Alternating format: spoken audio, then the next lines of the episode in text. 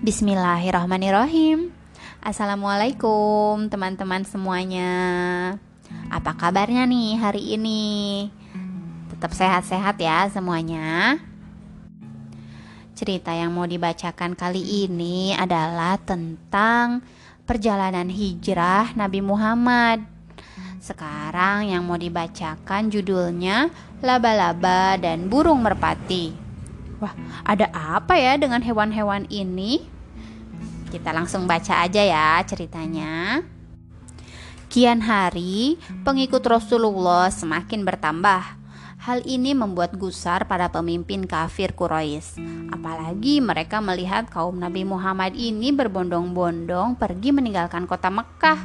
Itu berarti mereka telah menemukan tempat perlindungan yang baru. Para pemimpin Quraisy khawatir Rasulullah akan menyusul dan menghimpun kekuatan di tempat yang baru. Untuk mencegah Rasulullah keluar dari Mekah, kafir Quraisy merencanakan hendak menghilangkan nyawa Rasulullah. Rencana itu mereka susun dengan rapi dan akan dilaksanakan pada malam hari saat Rasulullah tidur. Para pemuda dari berbagai kabilah dikerahkan, semuanya secara bersama-sama Hal itu dilakukan untuk menghindari tuntutan dari keluarga Rasulullah. Namun Allah begitu sayang pada Rasulnya. Allah menurunkan perintah hijrah kepada Rasulullah. Rasulullah pun segera menemui Abu Bakar. Beliau meminta kepadanya untuk menemaninya. Abu Bakar sangat senang karena Rasulullah memilihnya untuk menemani hijrah. Setelah perbekalan disiapkan, mereka pun berangkat.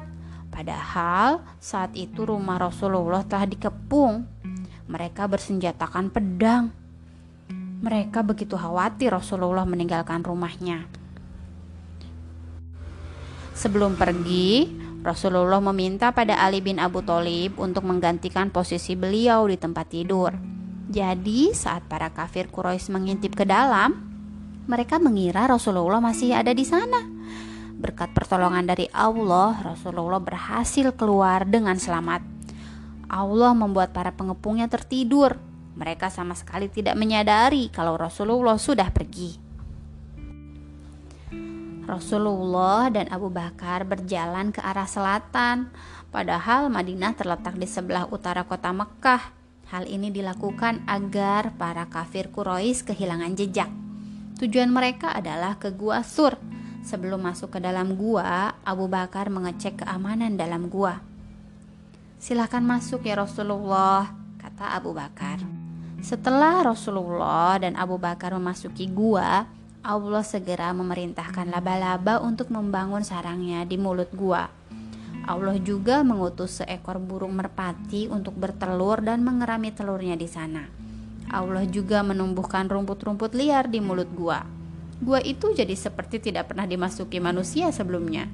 Tidak seorang pun mengetahui persembunyian mereka kecuali Abdullah bin Abu Bakar, Asma, Aisyah, serta pembantu mereka Amir bin Fuhaira. Sementara itu, kaum kafir Quraisy merasa sangat kecolongan. Ternyata Rasulullah telah pergi tanpa mereka ketahui. Mereka kemudian mencari Rasulullah ke segenap penjuru. Mereka mencari ke pegunungan, lembah, dataran tinggi, dataran rendah, tapi pencarian itu tidak membuahkan hasil.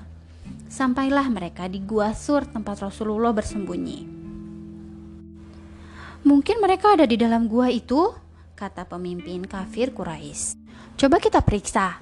Barangkali Muhammad ada di sana, kata seseorang dari mereka. Tidak mungkin Muhammad masuk gua.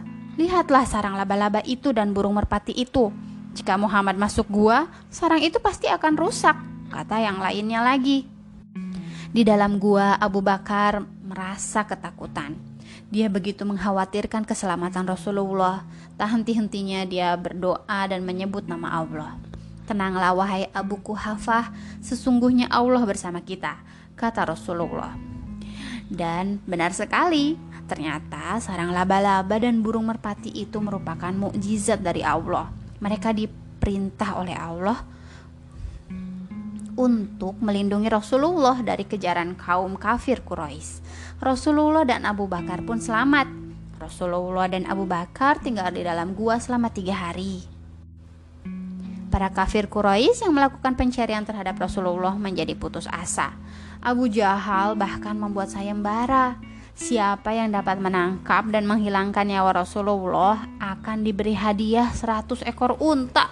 Wah, banyak sekali. Bagaimana kisah hijrahnya Rasulullah? Apa saja yang terjadi dengan beliau selama bersembunyi di dalam gua Sur? Cari tahu lagi ya nanti. Oh ya teman-teman, tahu nggak? Sarang laba-laba dan burung merpati itu, menurut para ilmuwan, eh, sarang laba-laba mengandung syarat lengket yang berfungsi untuk perangkap makanan. Dalam ukuran yang sama, serat benang laba-laba lebih kuat dari baja. Wah, luar biasa ya, masya Allah.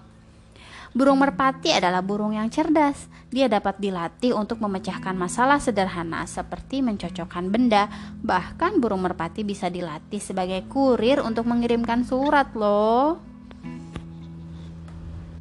Cerita ini bisa ditemukan di buku Mukjizat Terbesar Bukti Kenabian dan Kerasulan dari penerbit Syamil ya teman-teman. Terima kasih sudah mendengarkan cerita kali ini. Wassalamualaikum warahmatullahi wabarakatuh.